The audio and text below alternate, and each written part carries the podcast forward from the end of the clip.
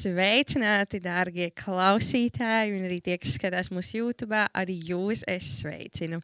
Šīs ir Mateja jauniešu podkāsts, ko notiek. Un, uh, šodien mēs runāsim par tādu tēmu kā pornogrāfija.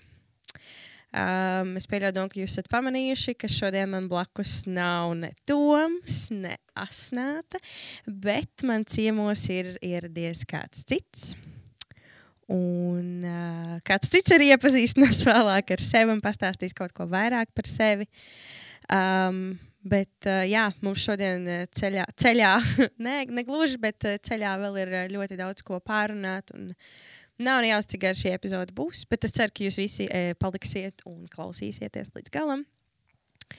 Bet, uh, Rūta, ko notiek? Bāz, man bija tik daudz laika sagatavoties šo jautājumu, bet es neko nesagatavoju. Vai tu klausies vispār mūsu podkāstu on daily basis? Jā, es klausos. Un es klausos jūsu atbildes, ko notiek. Jums vienmēr ir tik oriģināls un smieklīgs atbildes. Un es arī gribēju kaut ko oriģināli izdomāt. Bet saprotu, ka man nav ko teikt. Jā, Tāpēc jā. nebūšu smieklīgi. Mm, nu, viss kārtībā. Tas ir ļoti sarežģīts jautājums, kā mēs esam nosprieduši uh, mūsu starpā. Bet, uh, jā, Rūta, pastāsti mazliet, kas tu esi, kāpēc tu esi šeit, ko tu dari un uh, iepazīstini ar sevi uh, mūsu klausītājiem. Tad, kā Simona jau teica, es esmu Rūte. Rūte Eisāna, ja nu kādu interesē pilnīgs vārds uzvārds. Es izlaidīšu laikam savu otro vārdu. To jums nevajag zināt. Um, es esmu Mateja draudzes locekle. Um, praktiski uzaugusi Matejā. Māsā no kāda trīs gadu vecuma nāk uz Mateju. Tad ir 19 rēķiniet. Tu esi gan arī kā seniors Matejā. Praktiski seniors. Jā, uzaugu Matejā. Nebrīnīšos, ja arī nomiršu Matejā, godīgi sakot. Cerēsim, ka tas nenotiks. Līdz tam vēl tālu cerams, ja Dievs dos, ja Dievs dos. Bet jā, esmu Mateja draugs locekle, darbojos te Matejā. Um, ja atnāksiet svētdienās Mateju, iespējams, man satiksiet. Diezgan droši, ka satiksiet. Darbojos fusion kalpošanās uh, un vēl dažās citās, bet fusion būtu tā zināmākā. Kā kaut kā tā. Ok, forši, paldies, tev, Rūt. Bet uh, nu, noteikti jau, ja tu esi šeit kopā ar mani, un ja tu esi draugs loceklis, drīzāk, tu esi arī kristiet, vai ne? Jo šis ir kristīgs podkāsts, un mēs tomēr runājam šeit par Dievu, un tāpēc mēs aicinām cilvēkus, kas tā kā ir paši piedzīvojuši Dievu, vai kaut ko vismaz saprot no tā, vai ne? Uh, bet Rūt, vai tu varētu mazliet uh, mums vienkārši nu, pastāstīt, padalīties ar to, kā tu iepazini Dievu pati? Mm, man šis ceļš ir bijis tāds, varētu teikt, lēns un lēzens. Jo es esmu uzaugusi kristīgā ģimenē, un uh, manā ģimenē gan no vecāku, kā vecākiem, gan no mātes, gan tēva puses ir diezgan spēcīgas kristiešu saknes. Un līdz ar to es esmu uzaugusi spēcīgā kristiešu vidē, kā jau iepriekš minēju, no bērna vecuma esmu nākusi uz draugu. Un līdz ar to man visu laiku blakus ir bijis tā kristīgā vide. Es esmu visu laiku dzirdējis par Dievu. Un, uh, jā, tā lēnām tas no dzirdēšanas sāka pāraugt nedaudz vairāk tā pilnvērtīgākā apziņā, ka es sāku domāt līdzi, nu, ko tas īsti nozīmē. Un, uh, ja tad sāk kaut cik labāk to visu apzināties, tad arī nāca kristības. Lai gan es teiktu, ka es tajā brīdī līdz galam nesapratu, ko es daru. Jo man, man liekas, bija 9 gadi, kad es kristījos. Un, uh, nu, cik nu daudz 9-gadīgs bērns saprot? Tik daudz arī sapratu, un tik daudz ar 9-gadīgu bērnu sirdi arī es ticēju un biju gatava dzīvot to kristiešu dzīvi. Bet nu, vēlāk es atklāju, ka tas prasa daudz vairāk nekā es to brīdi biju domājis. Mm, jā, bet. Uh... Nu, tu jau ne, tu saki to, ka, tā, ka tu nāc no tādas kristīgas ģimenes, kurā vecāki ir kristieši. Un, uh, un šo neteicu, bet es vienkārši zinu, tos teica arī ir mācītājs vai ne. Un, uh, Es nezinu, tu noteikti, ka tu esi dzirdējis, bet parasti cilvēki apkārt saka, vai ne, vai viņiem ir tāds, tā, ka, nu, to var sakot par stereotipu, vai ne, nu, ka tur mācītāji bērni, vai ne, tā tad viņiem ir jābūt tādiem pareiziem un tā, bet, uh, um, nu, kā tev liekas, kā tu varētu savu raksturot, bet tas, ka tu esi uh, uzaugusi un joprojām turpini arī augt, vai ne, uh, kristīgā ģimenē, tas nozīmē, ka tev nav nekāda problēma un ka tu esi tāds, tā kā, nu, jau var teikt, paraugbērns saviem vecākiem. Jā, tāds stereotips pavisam noteikti pastāv. Un, uh, no ārpuses es varbūt pat esmu savā ziņā radījis sajūtu, ka šis stereotips patiešām ir patiess. Jo no ārpuses patiešām izskatījās kā, kā paraugu bērns, tā kā klusa rātne. Lai cik ļoti negribētu, es atzīstu, tomēr bija nejauka kāda brīdi, bet vairs nē. Lūdzu, piedodiet man. Bulīs rūta. Tik traki nebija par laimi. Bet, bet, jā, bet lielā mērā es biju tā kā rātna un paklausīga, un arī skolā viss gāja labi. Uh, liekas, problēmas vecākiem necēla, un līdz ar to viņi man ļoti uzticējās. Un, uh, jā, vēlāk, kad es viņiem uzstāstīju par to, kas ir noticis manā dzīvē, kam es gāju cauri, viņi teica, ka tiešām to nenojauta. Līdz ar to no ārpuses patiešām bija tā paraugu bērna fasāde. Uh, bet uh, tas, kāpēc to šodien esmu uzaicinājis šeit, ir uh, iemesls tāpēc, ka pagājušajā gadā jauniešu un fužu nometnē dalījās ar kādu liecību savu. Un, uh, un, ja mēs šodien runājam par pornogrāfiju, tad visdrīzāk šī liecība ir uh, saistīta ar šo tēmu. Um, vai tu vari mazliet kaut ko nu, padalīties par šo lietu, kaut kādu ievadu par to, kā tu esi ar to saskārusies uh, savā dzīvē? Jā. Mm, iesākumā man laikam tāds ievads, kā vispār pie tā nonācu. Un, sakot, es nezinu atbildēt šo jautājumu. Es nezinu, kā es pie tā nonācu, kāds viss sākās. Tikai tas, kas atceros, bija, ka aptuveni jau sešu gadu vecumā, tas man liekas, bija bērnās pēdējais gads, ir palikuši tāds pāris epizodes atmiņā, kuras atceros uh, manu pirmo saskarsmi ar uh, pašapmierināšanos. Un, protams, es kā bērns, nu, es taču nevarēju saprast, ko es daru. Vecāki par to nekad nebija runājuši. Kā, kurš tik maz bērnu runā par tādām lietām? Un es arī es nezināju, ka tas kā, ir kaut kas slikts. Un, un kā vienīgais, ko es sapratu, ka, ka no tā var gūt baudu. Un tas arī bija tas, kā es to skatījos, ka tas ir neko sliktu tur, tur neredz. Un tad, uh, jā, bet principā tāds lēnām sākās, kas jau bērnības vecumā atklāju. Un uh, lēnām kaut kādā veidā tas turpināja attīstīties. Ap deviņu gadu vecumu, tad es minēju, man deviņu gadu vecumā bija kristības. Tad uz kādu laiku, pāris gadiem, tas viss pazuda. Vismaz man nav palikušas atmiņas, kas būtu turpinājusi ar to nodarboties.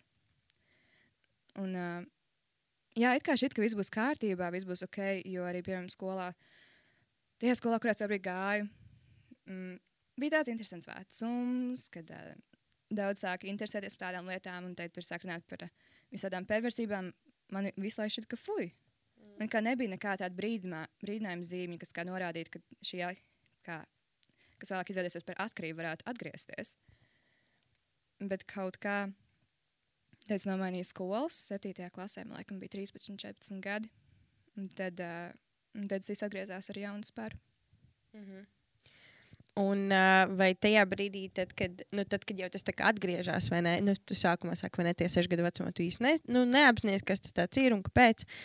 Bet vai tad, tad, kad tas atgriežas 13 gadu vecumā, vai tu tajā brīdī sāc uh, apzināties to, ka tas ir nepareizi un ka tas ir reāli grēks tavā dzīvēm? Mm. Es nezinu, es reiz apzinājos, ka tas ir grēks, bet bija iekšēji tā sajūta, ka tas ir nepareizi. Jo arī tagad tas atgriezās. Tā vairs nebija tikai pašmērināšanās, tur līdznāca arī pornogrāfija. Un īstenībā tas, kā es vispār es nonācu tai interesē par pornogrāfiju, bija arī tāds neparasts ceļš. Jo tas viss sākās ar to, ka es iepazinu vienu franču animācijas tādu kā seriālu, kas ir paredzēts bērniem, un kā viss ir adekvāti, viss ir piedienīgi, un it kā nekam sliktam nevajadzētu būt. Bet uh, starp tām sezonām gaidot, kamēr iznāks jauns epizodes. Kā, fanam, ja nav ko darīt, viņš meklē alternatīvus resursus. Mm. Un tā es atklāju, kas ir fanfiktions. Un uh, gadījumā, ja kā es nezinu, tas ir principā uh, fanu veidotas alternatīvas realitātes par to, kā tie notikumi, kas notiek seriālā, varētu attīstīties tālāk, un kā kas varētu notikt, kas būtu no, varējis notikt citādāk. Un tas arī ietver uh, galveno varoņu attiecības un uh, vīdeģa fanfiction, kas tā kā rīktīgi aizgāja. Uh, nepareizā virzienā tur ļoti perversi bija un, un uh, kā tādu saturu visu laiku lasot, ar laiku jau vairs nepietiek tikai ar, uh, ar iztēli, gribējās jau arī redzēt un dzirdēt, un tā es nonācu līdz, līdz pornogrāfijai kā tādai. Un, jā, pirmā pieredze es nezinu, vai es uzreiz sapratu, ka tas ir slikti. Man pirmā reize bija vairāk tā vienkārši zinkāri, bet ar laiku tomēr radās tā sajūta, ka kaut kas nav gluži kārtībā. Ja bija tā vēlme tā kā slēpt no vecākiem un neteikt, un tas bija tāds kā indikators, ka kaut kas šeit nav tīrs. Jā, man liekas, tā ir tāda interesanta lieta. Ir cilvēki, kas es runāju nu, kā, par vispār par pornogrāfiju kā tādu, vai ne? Un kad cilvēki skatās, ka, um, kad cilvēki reāli slēp to, nu, kā, ka viņi to. Un man liekas, tas tā kā, pat ja cilvēks nav kristietis, vai ne, viņi tāpat to slēp. Tad man liekas, tāds, tur tā kā, tas tik ļoti tā tieši parāda to, cik ļoti liels īstenībā tas ir grēks un ka tas ir kaut kas nepareizs, bet cilvēki tāpat, jo tā atkarība ir vai nē, un cilvēki vienkārši turpina to darīt. Tas tā ir interesanti. Bet, uh, vai pieņemsim, tev pašai bija tāda sajūta, ka tu esi reāli viena pati šajā problēmā un uh, ka tu nezini, kā tikt ārā, piemēram, no tās? Mm, Godīgi sakot, es pat pārāk daudz neatceros to posmu. Vismaz neatceros, ko es būtu domājis, vai es domāju, ka es esmu viena vai nē. Man šķiet, ka es pārāk daudz par to nedomāju, kas nedomāju, vai ir vēl citi, kas tā dara vai nē. Jo pat ja es būtu zinājis, ka ir citi, es nezinu, vai, tam būtu vajadzējis likties man justies labāk, jo tas, ko es daru šā vai tā, ir slikts. Mm. Bet uh, 2018. gada nometnē. Šis bija neloģisks. Bet 18. gada vasarā bija Fusion nometne. Un, uh, tur es dzirdēju kādas meitenes, kur tobrīd bija Fusion komandā, liecība par to, kā viņi ir gājusi cauri atkarībai ar pornogrāfiju un pašapmierināšanās, kāds bijis viņ, viņas ceļš, kā Dievs ir darījis viņu brīvu. Un, uh, liekas, tā man bija pirmā reize, kad dzirdēju, kādu vispār kā runājam par to. Un, uh, jā, laikam tajā brīdī es arī sāku domāt, ka ev, nu, kā, kaut kas laikam nav kārtībā, kaut kas būtu jādara. Un, uh, tad vai nu tajā paša, pašā vakarā, vai arī dažus vakarus vēlāk, tajā nometnē bija labirints. Un, ja nekas nav bijis, Matei nometnēs, nezinu, kas ir labirints, tā ir viena ļoti stilīga lietiņa. Tas tāds kā pārdomu ceļš, kur ir vairākas stacijas. Un šajās stacijās katrs dalībnieks ir aicināts individuāli pārdomāt dažādas tēmas par, par dzīvi, par sevi, par savu vērtību, identitāti, attiecībām ar Dievu. Un šī labirinta beigās ir tāda kā lūkšana istaba, kur ir vadītāji un var piet pie tiem vadītājiem un parunāties un kopīgi aizlūgt. Un tajā brīdī, kad es nonācu pie lūkšanas istabas, tā meitene bija aizņemta. Bet uh, kaut kā iekšā bija tā sajūta, ka pagaidi, pagaidi, kamēr viņa atbrīvosies, un tad aizēju. Un uh, es sagaidīju, kamēr viņa, kamēr viņa atbrīvojās, un tad aizgāju pie viņas. Un, uh, tad arī pirmo reizi kādam izstāstīju par to, kam tad īsēju cauri. Un, uh, jā, mēs kopīgi parunājām, viņa aizlūdza par mani, un uh, mēs pēc tam vēl pāris reizes tikāmies. Un tas, principā, bija mans uh, oficiālais sākums cīņai ar šo atkarību. Un vai tev bija viegli izstāstīt kādam šo lietu, ja, nu, ja tu pirms tam slēpi to vai ne no savas ģimenes? Tā, vai tajā brīdī tev bija mm, grūti, vai tev likās nu, ok, viņi man sapratīs, izstāstīšu. Man vēl šeit, kas pūs no tā laika noraudāja. man bija grūti stāstīt, jo tomēr tas ir kaut kas ļoti dziļi personīgs. Personīgs, ko īstenībā negribas tā uzreiz stāstīt. Un to stāstot, es tomēr lielā mērā atkailinu sevi un padaru viegli ievainojumu, lai gan es zinu, ka viņi gājas tam pašam cauri un ka viņi man par to nenosodīs. Bet tomēr tā ir. Tas ir veids, kā es padaru sevi ievainojumu, un līdz ar to tas bija diezgan bailīgi. Un, um, jā, visu laiku aklā bija tā kamola sajūta, ka bija ļoti jāvaldās, lai es varētu viņai izstāstīt, kas notiek. Tā kā, es teiktu, ka nebija viegli. Bet pēc tam, kad ir izstāstīts šim vienam cilvēkam, tad vēlāk vēl vienam cilvēkam, un tad vēl vienam cilvēkam. Un īstenībā vēlāk vairs nav pat liela starpība, vai es izstāstu vēl vienam, vai jau simtam cilvēku, vai kaut vai visai pasaulē. Mhm. Jā, tas laikam ir iemesls, kāpēc tu esi šeit, vai ne? Lai to dalīties ar šo. Bet, uh, nu, tu teici, ka, ka tas bija tas brīdis, ne, kad tu dalies, un tu saproti, ka okay, šis ir tas brīdis, kad tu sāk cīņu ar šo, vai ne? Kad es gribu tikt vaļā no šīs atkarības, kad ir pornogrāfija. Um, Kā bija? Vai bija viegli atturēties uh, no šīs vēlmes, atkārtot skatīties pornogrāfiju vai pašapmierināties? Es teiktu, tas uh, noteikti nebija viegli. Tā bija liela cīņa katru reizi. Godīgi sakot, es neatceros nevienu reizi, kad es saviem spēkiem būtu atturējusies. Un katru reizi bija tas, tomēr tas punkts, kurā es salūzu.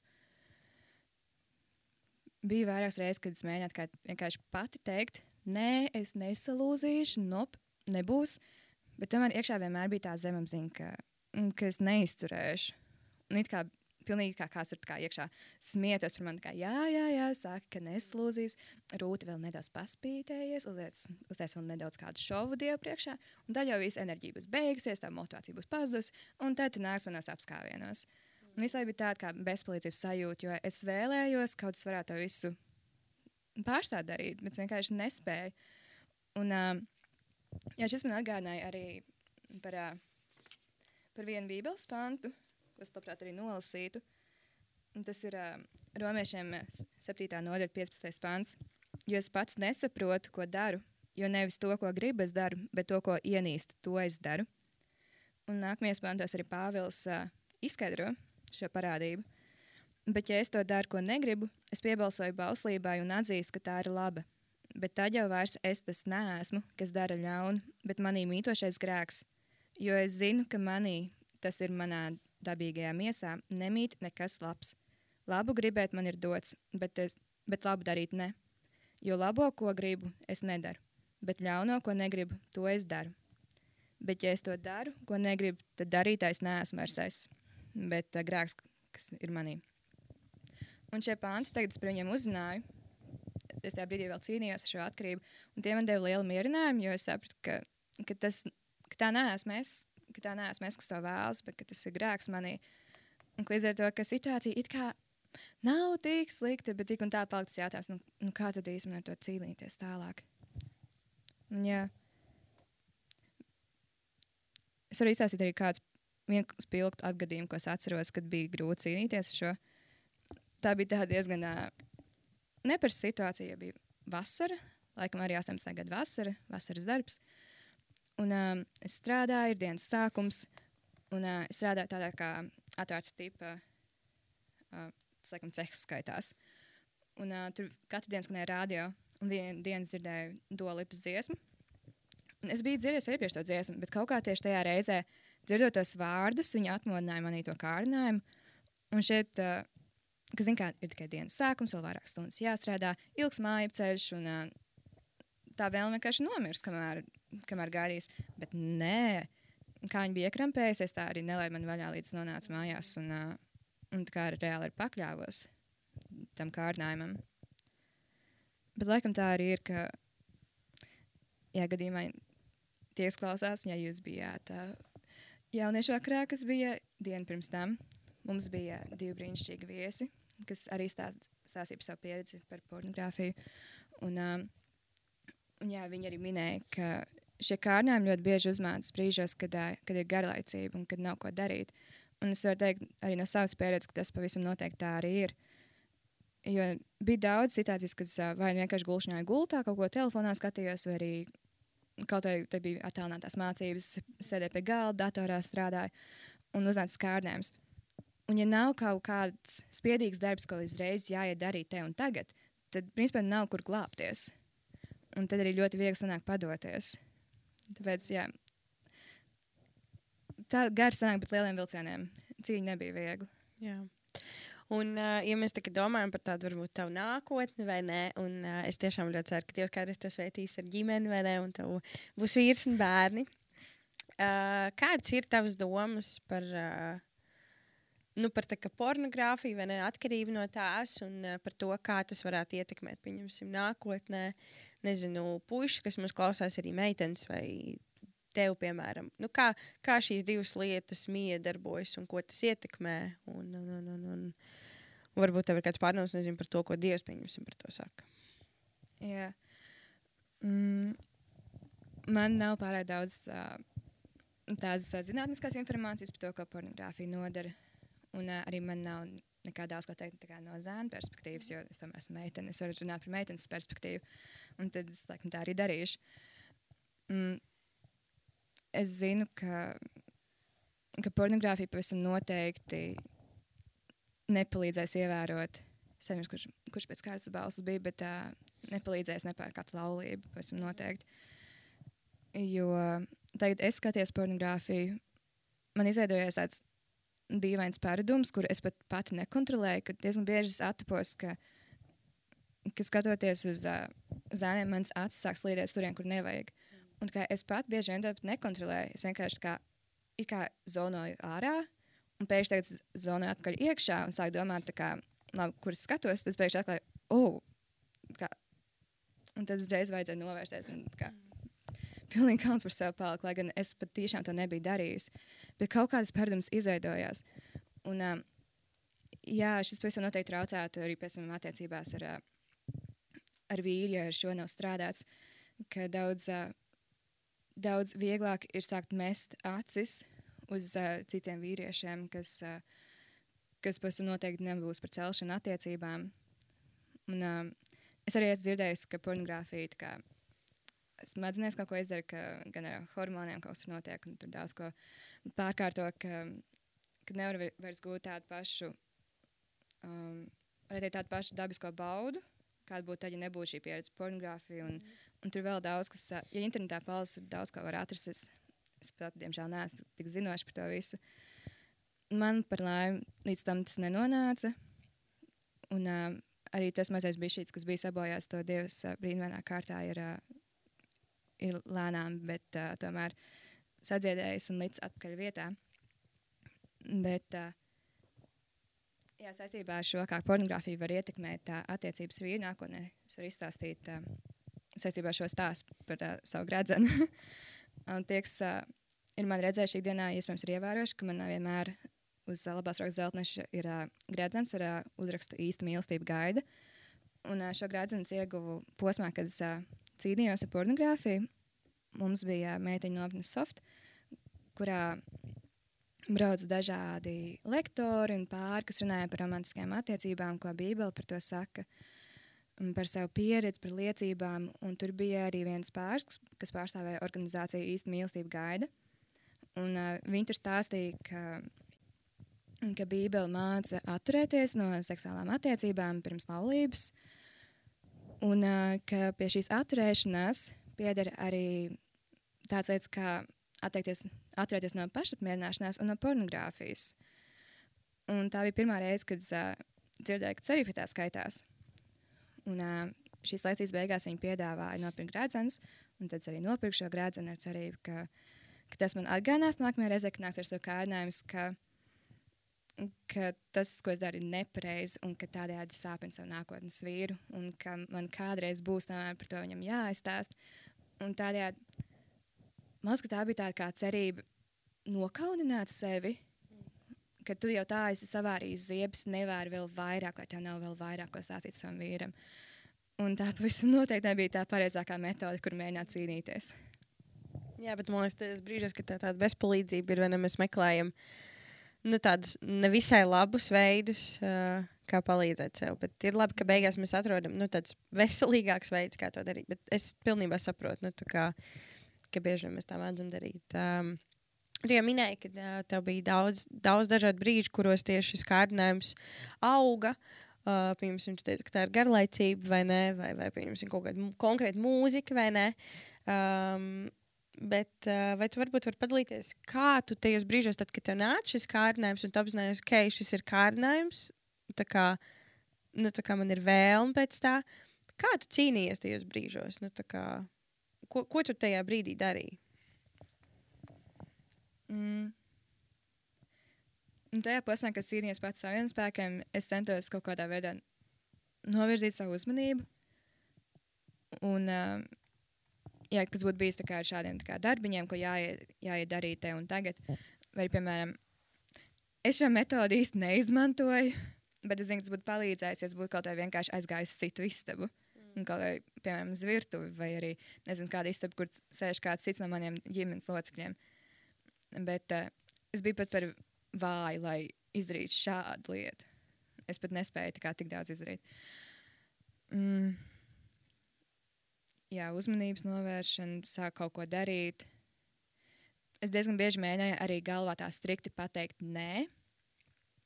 Jo kaut kas tāds, ko es nezinu, varbūt tad jau es to zemapziņā apziņa, apzinājos, bet tas, ko es esmu arī tagad sapratusi, ir, ka, ka tagad nāk ārnājumi un tagad pasaka tā stingri nē, tā ka ne pa labi, ne pa kreisi nē.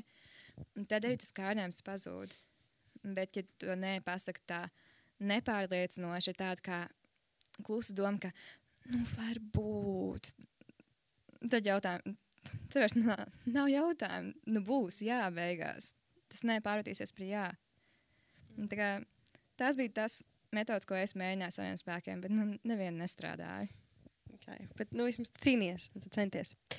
Uh, bet uh, visā šajā posmā, kamēr tu cīnījies, vai ne, uh, tu vēl joprojām esi kristiete, uh, tu pazīsti Dievu, un tev noteikti ir kaut kādas attiecības ar Dievu, bet kādas tās ir, to vien tu zini šobrīd, bet uh, varbūt tu vari pastāstīt mums, um, nu, kā, kā šis grēks ietekmē tavas attiecības un kā caur visu šo uh, lielo notikumu uh, kā tu varēji ieraudzīt dieva darbu savā dzīvē, kā viņš darbojās tajos brīžos. Un, un, un, uh, jā. Mm -hmm. nu, šis pavisam noteikti netuvināja manas attiecības ar Dievu. Pilnīgi noteikti. Noteikti bija posmi, kad, uh, kad uh, es pilnīgi šīs attiecības gandrīz pilnībā pārtrūku, jo man bija kauns par to, ko es daru. Un tagad ir kauns, tad nezinu, kāpēc ir tāda vēlme it kā sodīt sevi, neļaujot sev iet atvainoties Dievam, lūgt atdošanu. Un tas kā ir tāds kā sots, ko cenšos sev uzlikt, bet tāpat laikā tas nav tas, kā, tas, kā vajadzētu rīkoties tajā situācijā. Ja tam man vajadzētu uzreiz iet pie Dieva, nožēlot uh, to, ko esmu darījis, lūgt par to atdošanu, nevis, nevis censties no viņa bēgt. Jo īstenībā tas jau arī ir tas, kā, kā sātens mums darbojas. Viņš kā iestāsta šos melus, ka ka tev ir jā, jākauns. Jā, būtu jānožēlo tas, kas ir izdarīts, bet nebūtu ka šī kauna dēļ jābēg no Dieva. Jo tas ir tas, ko viņš cenšas panākt, ka mēs attālinamies no Dieva arvien vairāk un vairāk. Un bija tādi brīži, kad es pavisam noteikti attālinājos vienkārši šī kauna dēļ. Mm, noteikti bija arī posms, kad, kad šī atkarība sasniegusi tādu līmeni, kad mana sirdsapziņa palika arvien vājāk un vājāk. Un vairs nebija tik liels sirdsapziņas pārmetumi par to visu, un kas arī bija liels indikators, ka EU paliek rīktīgi slikti. Jā, tā kā tās attiecības noteikti nebija tuvas ar Dievu. Es it kā turpināju nākt uz draugu, un māsas arī pat uh, turpināja darboties kalpošanās. Uz ko tad atskatoties, ir tā bēdīgi, ka, ka vietā, kur man būtu vajadzējis kalpot Dievam ar, ar dedzīgu un patiesu sirdi, es tam ar liekuļoju. Jā, bet, uh, pieņemsim, tev bija. Nu, Nevis vai tev bija, bet drīzāk vai tu meklēji kaut kādu veidu, kā tu vari atjaunot šīs attiecības, neskatoties uz šo grēku. Vai, nu, kā, es nezinu, vai tev bija piemēram kāds cilvēks, kam, kas tev palīdzēja tikt uh, labākās attiecībās ar Dievu, vai, vai, vai kāds cits veids. Jā, man bija kāds cilvēks, kāda brīnišķīga jauna sieviete Es gan viņu nemeklēju un neatradu, viņa atrada mani. Un tas bija kaut kad 19. un 20. gada fusion sezonā. Uh, es iepazinos ar, uh, ar mūsu brīnišķīgo Gloriju, kura bija kādreiz nesen atbraukusi uz Rīgu. Un, uh, tā mēs iepazināmies. Un, un viņa ar laiku paņēma man savā paspārnē un sāka mācekļot. Un, tā veidoja šīs attiecības un arī mācīšanas procesā. Tas viss kaut kā lēnām iekustējās un sāk lēnām tuvoties Dievam. Un es noteikti esmu teikusi Glorijai jau ļoti daudz reizes, un Glorija, ja klausies, piedod, ka tev jādzer vēl, vēlreiz, bet uh, es esmu ļoti pateicīga, ka tu paklausīji šai, šim dialektiem aicinājumam braukt uz Rīgu. Un, uh, es ticu, ka tas arī bija viņš, kas lika tev sirdī mācekļot mani, un jā, es esmu noteikti pateicīga par to. Iespējams, ja nebūtu glo bijis Glorija, varbūt es būtu sūtījis kādu citu cilvēku. Es nezinu. Bet es esmu ļoti pateicīga, ka tā bija tieši Glorija. Un, uh, jā, tā viņa sāk man mācekļot. Un, uh, Mācīšanas procesā agrāk vai vēlāk tam arī jādara par šādām lietām, par to, kas ir tie mani klupšanas akmeņi. Jā, un pēc tam, kad es izstāstīju arī viņai, tad viņa pa laikam sāk man tā kā vaicāt, nu, kā tev iet ar šo visu. Un tā, pa laikam, tā kā bikstīja mani. Un tagad es zināju, ka ir kāds cilvēks, kurš man var jebkurā brīdī paprasīt, kā man iet, kāds ir mans progress. Tad uzreiz arī bija tā lielāka atbildības sajūta, ka jā, man ir kāds, kuram atskaitīties. Un uzreiz bija lielāka motivācija arī strādāt. Mm, forši. Man liekas, tas ir ļoti labi, ja mēs varam. Nu, tie jau neesam mēs, kas atrod, ne Dievs jau vienkārši mums dod tos cilvēkus. Bet tas ir labi, ka Dievs mums dod tos cilvēkus un, un ka mēs arī viņam uzticēties. Man ir tiešām liels prieks, ka, ka tev ir, bija un būs um, glorija, kurai tu vari uzticēties. Un, um, jā, bet vai tu vari padalīties ar kādām praktiskām lietām, kuras tev ir palīdzējušas šajā cīņā ar pornogrāfiju? Mm -hmm. Man ļoti palīdzēja tas, ka mēs uh, pagājušajā gadā, līdz ar janvārim, tā kā jaunā gada apņemšanos, mēs ar Gloriju sākām katru dienu lasīt uh, Bībeli. Sākot ar uh, jauno derību, pa vienai nodaļai dienā, un mēs uh, izlasījām un rakstījām kaut kādas pārdomas, kas mums ir par to nodaļu, un tad apmainījāmies ar šīm pārdomām. Un, uh, jā, sākumā tas viss nāca ar piespiešanos. Zināt, kā jau ir, tad veido jaunas paradumus. Sākumā ir grūti, bet pēc tam, kad ieies, tad vairs nevar iedomāties savu dzīvi bez tiem. Un, uh, jā, tā arī sākumā man bija, bija grūti, bija tas viss jādara piespiešanos, bet vēlāk pats caur šo it kā piespiedu lietu. Dievs sāk darboties uz manas sirdi un izmainīt sirdi, un manī tika pamodināta šī vēlme arī pašai meklēt Dievu ne tikai kopā ar Gloriju lasot uh, Bībeli, bet arī pašai vai nu izlasot vēl kādu papildus nodaļu, vai arī sakot, uh, aktīvi skatotie, skatīties uh, kaut kādus kristiešu YouTube video vai arī kristiešu podkāstus. Uh, un tā sāku arī pati interesēties par, uh, par dažādām tēmām. Un, uh, tā es nonācu līdz tēmai par gavēni. Un, uh, es pirmo reizi uzzināju, cik nozīmīgs ir gavēnis kristiešu dzīvē un cik liels spēks tam ir. Un, um, un jā, gavēnis principā ir tāds, ka uz noteiktu laika periodu atteikšanās no kaut kā, kas sniedz baudu. Visbiežāk tas ir ēdiens, bet tikpat labs var būt arī nezinu, viedierīces, sociālie tīkli vai, vai jebkas cits. Un jā, es sapratu, ka es nekad neesmu gavējusi un ka, un ka arī es vēlos to pamēģināt. Un, jā, man ir likt šī vēlme, un tad es arī izmēģināju gavēnu pirmo reizi. Un kā tev veicās šo gavēnu, un kas bija rezultāts šim? No cilvēcīgā skatu punkta teikt, ka tā bija diezgan liela izgāšanās. Um, es gāju iekšā šajā gavēnī, kā nezināju, ko sagaidīt. Man arī tā doma bija tāda, ka šis vienkārši izmēģinājums. Tā kā nekam nav jānotiek, vienkārši izmēģināt un saprast, kā tas viss notiek. Jo man bija nosprausts uh, laiks, kā 24 stundas izgāšanās. Jo es, biju, es nebiju paspējis iepriekšējā vakarā pabeigt tā fizikas laboratorijas darbu. Līdz ar to man vajadzēja pārtraukt to gavēni agrāk, lai es varu pabeigt šo laboratorijas darbu un iesniegt viņu. Es gavēju no, no pasaulīgā satura, kas būtu dziesmas, grāmatas, uh, principā jebkas cits. Un, vienkārši klausījos kristīgu mūziku, lasīju kristīgas grāmatas, protams, arī Bībeli, lūdzu. Un šis kaut cik kā sanāca, lai gan man šeit galīgi neveltīja tik daudz laika lūkšanām, cik būtu vajadzējis. Mm. Jā, arī parasti ejot iekšā gavēnī, cilvēki izvirs kādu vienu specifisku lietu, par ko viņi gavē, vai tas būtu mācības, attiecības vai kaut kas cits. Man nekas tāds nebija. Līdz ar to es arī īsti nesagaidīju baigi kaut kādu rezultātu no tā visa. Bet uh, nākamajā nedēļā pēc šī gavēņa es atklāju, ka man ir pilnībā pazudusi vēlme pašmierināties vai skatīties pornogrāfiju. Kas bija rīkīgs pārsteigums un svētība, ņemot vērā, cik vismaz pēc cilvēcīgiem standartiem neizdevies bija šis gavēns. Mm. Es vienkārši ticu, ka Dievs uh, redzēja to tavu vēlmi un, uh, un tavu sirdi, ko tu, ko tu gribēji ar to panākt. Tas ir, tas ir normāli, ka mēs kā cilvēki izgāžamies, bet Dievs vienkārši redzēja to un viņš arī strādāja. Bet vai bez gavēņa? Bija vēl kādas lietas, piemēram, kas tev palīdzēja atturēties un tuvoties dievam? Mm. Viena lieta, kas man palīdzēja laika posmā pēc šī gavēņa, pēc tam noteikti bija, bija tas, ka teica atklāja, ka Dievs ir paņēmis prom šo vēlmu pašmierināties, ka, ka es to nospraudu par tādu kā savu gavēni laika posmam līdz lieldienām. Mm. Ja tas kā reiz bija tas uh, posms, kad bija iesācies uh, gavēnis, kas vedas lieldienām. Un es domāju, vai uztaisīsim šo par manu lieldienu gavēni. Un tad uh, es turpināju dzīvot ar to gavēņu mentalitāti, kas principā ir katru reizi, kad, kad nāk kārdinājums. Baudīt to, no kā es esmu atteiksies, es prasu sev, nu, kas man ir svarīgāks. Šī lieta, no kādas gūs baudu, vai tomēr Dievs? Ko es mīlu vairāk? Un tagad es sāku uzdot šo, sev šo jautājumu, man uzreiz kļuva vieglāk pateikt nē šiem kārdinājumiem.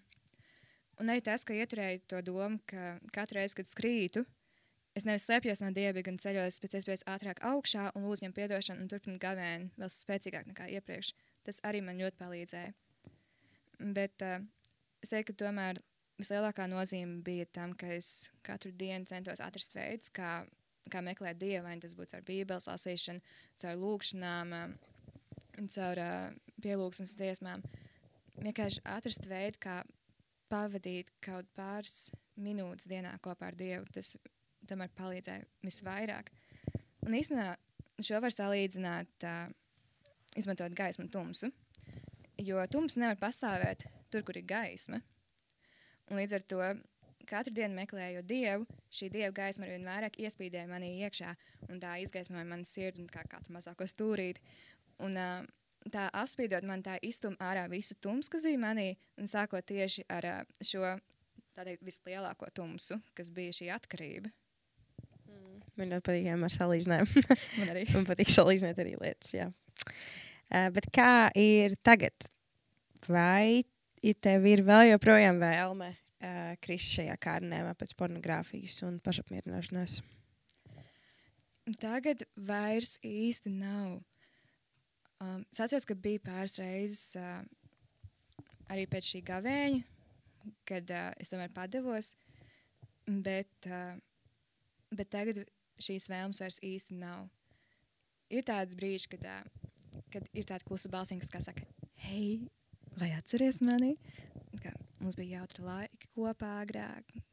Bet katru reizi ir svarīgi vienkārši uzreiz pateikt, nope, es tevi nevēlos apkārt savā dzīvē, un vienkārši neattīstīt tālāk šo domu.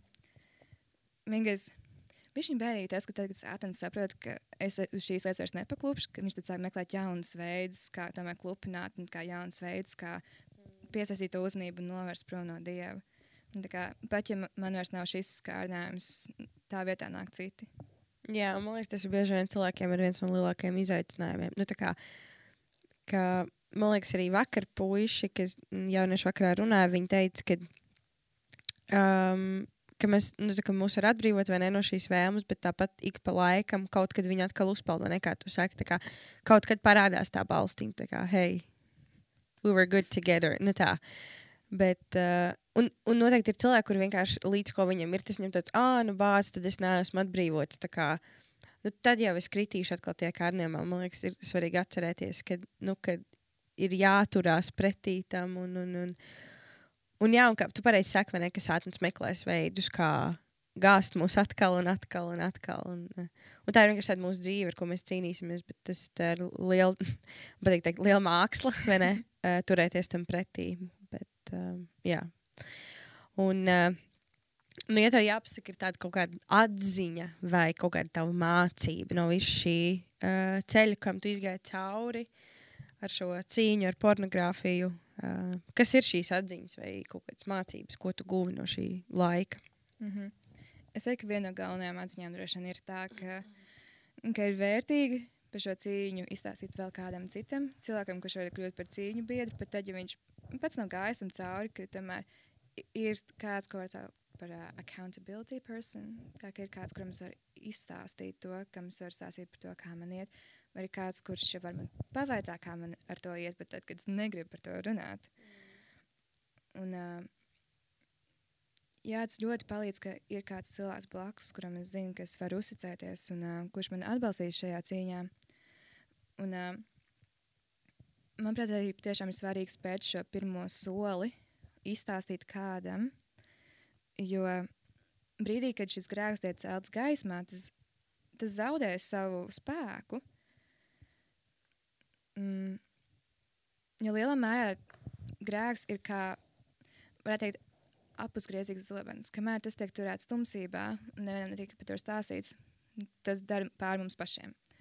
Bet līdz ko tas tiek celts gaismā, tas var kļūt par liecību un par stiprinājumu citiem cilvēkiem. Un, jā, tā arī uh, pašā sākumā minēja, ka es pagājušā gada nometnē dalījos ar šo liecību. Un, uh, bija cilvēks, kas pēc tam pienāca man klāt un teica, un, wow, kā tu vari to izstāstīt. Tas, notiek, tas prasīja tik daudz drosmes. Un, godīgi sakot, es nevaru pieņemt šādus komplimentus, jo tas īsti neprasīja no manas drosmes. Es varbūt tagad es runāju, man iespējams trīcēja rokas, varbūt tāpēc radās tāda sajūta. Un, uh, jā, pēc tam arī līja asars, bet es, uh, tas bija arī no tā atvieglojuma un no tās, tā teikt, svētlaimes. Bet, uh, jā, Dievs man bija iepriekš gatavojis tam visam, un uh, līdz ar to es patiešām nevaru teikt, tas no manis kaut ko būtu daudz prasījis, jo viņš jau bija sagatavojis man sirdi ar to, ka es biju, man bija bijis iespēja jau daudziem citiem cilvēkiem pa vienam, pa vienam, pa vienam izstāstīt. Un tad jau bija šis brīdis, kad man vairs bija vienalga, vai es izstāstu vienam vai jau uzreiz veselai nometnē par to. Un uh, šeit man arī patīk uh, viena vārda, ko ir teikusi kāda sieviete. Viņa teica, ka, ka grēks kā, nav tas, kas pa, rada viņas identitāti, ka viņa savu identitāti radusi Kristu, Jēzu, ka viņa savu identitāti rod viņā un ka viņa zina savu vērtību un ka tā ir nemainīga. Līdz ar to viņa zina, ka šis grēks nedefinē, kas ir viņa. Tas, jā, tā ir daļa no viņas pagātnes, tā ir daļa no viņas biogrāfijas, bet tas neveido to, kas viņa ir tagad, un līdz ar to tam vairs nav varas pār viņu. Un, uh, es teiktu, ka arī tas ir tas, kas notika manā dzīvē, kad ar šo attiecību veidošanu ar Dievu, ka es atradu savu identitāti viņā, un ka līdz ar to arī šim grēkam vairs nebija vairs par mani, un tas vairs mani nebaidīja.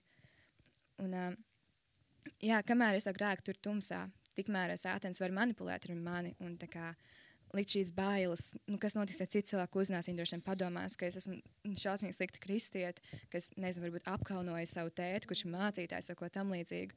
Un ka, jā, kamēr tas grēks ir tumsā, tikmēr sētens var laiku manipulēt ar mani un iebiedēt. Bet līdz ko ceļu gaismā, tā ir kļūst par manu liecību, tas ir par zobenu manās rokās, ko, ko Dievs var vadīt un lietot savam darbam. Nu, Foršūt. Paldies tev. Uh, Lielas par tavu liecību. Es ticu, ka,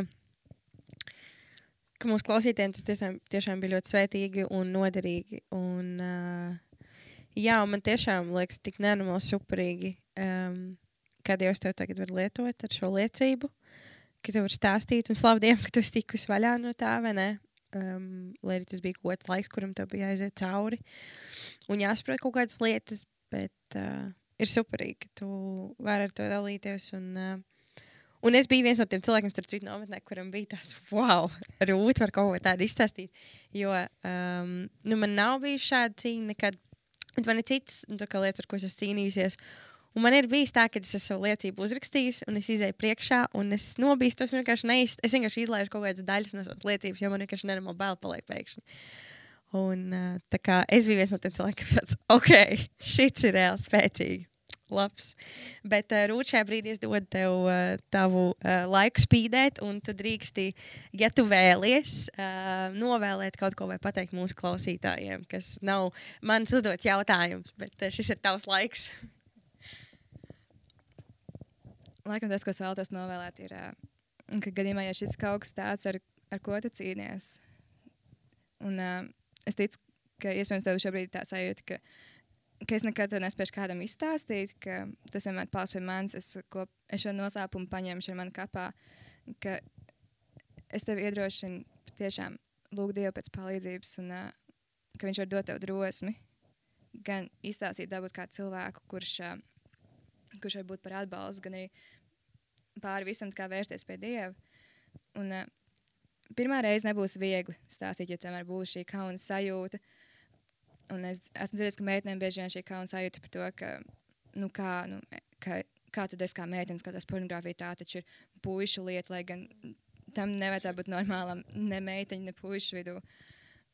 Un, jā, man personīgi tas bija kauns par to, ka varētu apkaunot savu, savu tēti, kurš ir mācītājs. Un, Un jā, es kā reiz, neprasa, kāpēc, es nezinu, kādā veidā, bet es biju redzējis tādu kā intro vienai filmai, kas tieši sākās ar to, ka mācītāja meita masturbē. Viņas īstenībā ienāk tēvs, mācītājs ar visu ģimeni, apsveikt viņu. Un man tā aina vienmēr stāvēja prātā, ka es taču negribu būt tā meitene, kas tā apkauno savu tēvu. Un tas man ļoti ilgu laiku atturēja. Bet, uh, bet jā, mēs visi esam cilvēki, mēs visi kļūdāmies, mēs visi krītam. Tas ir tikai normāli. Bet uh, Dieva spēkās esmu atbrīvota to neizdarīju pati. Jo, kā jau mēs dzirdējām, teicu, mēģināt to pat darīt. Man nekas nesanāca. Es kā atkal kritu un kritu. Bet uh, Dievs man atbrīvoja. Un uh, viņš var atbrīvot arī tevi. Un, uh, jā, būs šīs situācijas, kad būs kauns. iet pie dieva, it īpaši, ja tas, ko mēs darām, tiek veikts apzināti un atkārtot, tomēr mums no tā nevajag kaunēties. Jo tieši šādu grēku dēļ, vairāk nekā 2000 gadus atpakaļ, arī nācu tam šajā pasaulē, Dievs sūtīja savu dēlu, Jēzu, lai viņš varētu nākt un mirt par mūsu grēkiem un samaksāt par tiem, lai mums varētu būt attiecības ar viņu. Vienalga, vai šis grēks mūs attur būt pornogrāfija, vai tā būtu nezinu, pašapmierināšanās, alkohols, mēs nezinām, salīdzināšanās, klačošanās, vai sazinu, kas vēl. Bet uh, Dievs sūtīja savu dēlu, un ja es nācu un paklausīju Dievu, un viņš, es miru par mūsu grēkiem, un viņš devis šo iespēju, un arī izmantosim to. Amen. Jā, es tikai tagad kaut kā sapratu, ka uh, cik superīgi, ka mēs varam runāt par šo tēmu no meitenes perspektīvas, jo pareizi saka, vai ne, ka mēs esam pieraduši, ka tā taču ir džeku problēma, vai ne? Džeki ir tāda iela, bet tāds nav arī meitenes ar to cīnās. Un, man liekas, tik superīgi, ka mēs varam arī no meitenes skatu punktu redzēt. Un, uh, un iedrošināt arī noteikti kādas meitenes, ne, kas cīnās ar to. Bet, uh, jā, paldies tev, Rūta. Paldies uh, visiem, kas klausās, skatās un uh, ir mūsu lielākie fani. Paldies, mēs ļoti to novērtējam. Um, Jā, piesakojiet mums uh, Spotify, ja jūs klausāties Spotify. Uh, piesakojiet, ne tā laikam nevar īsti piesakot, bet tur var abonēt mūsu kanālu YouTube. Uh, tāpat mums ir uh, Instagram konts, kas saucās Mateja.jaunieši. Piesakojiet arī mums tur un laikojiet mūsu bildes. Uh, Un, uh, jā, tad jau tiekamies kādā citā epizodē. Čau! Čau!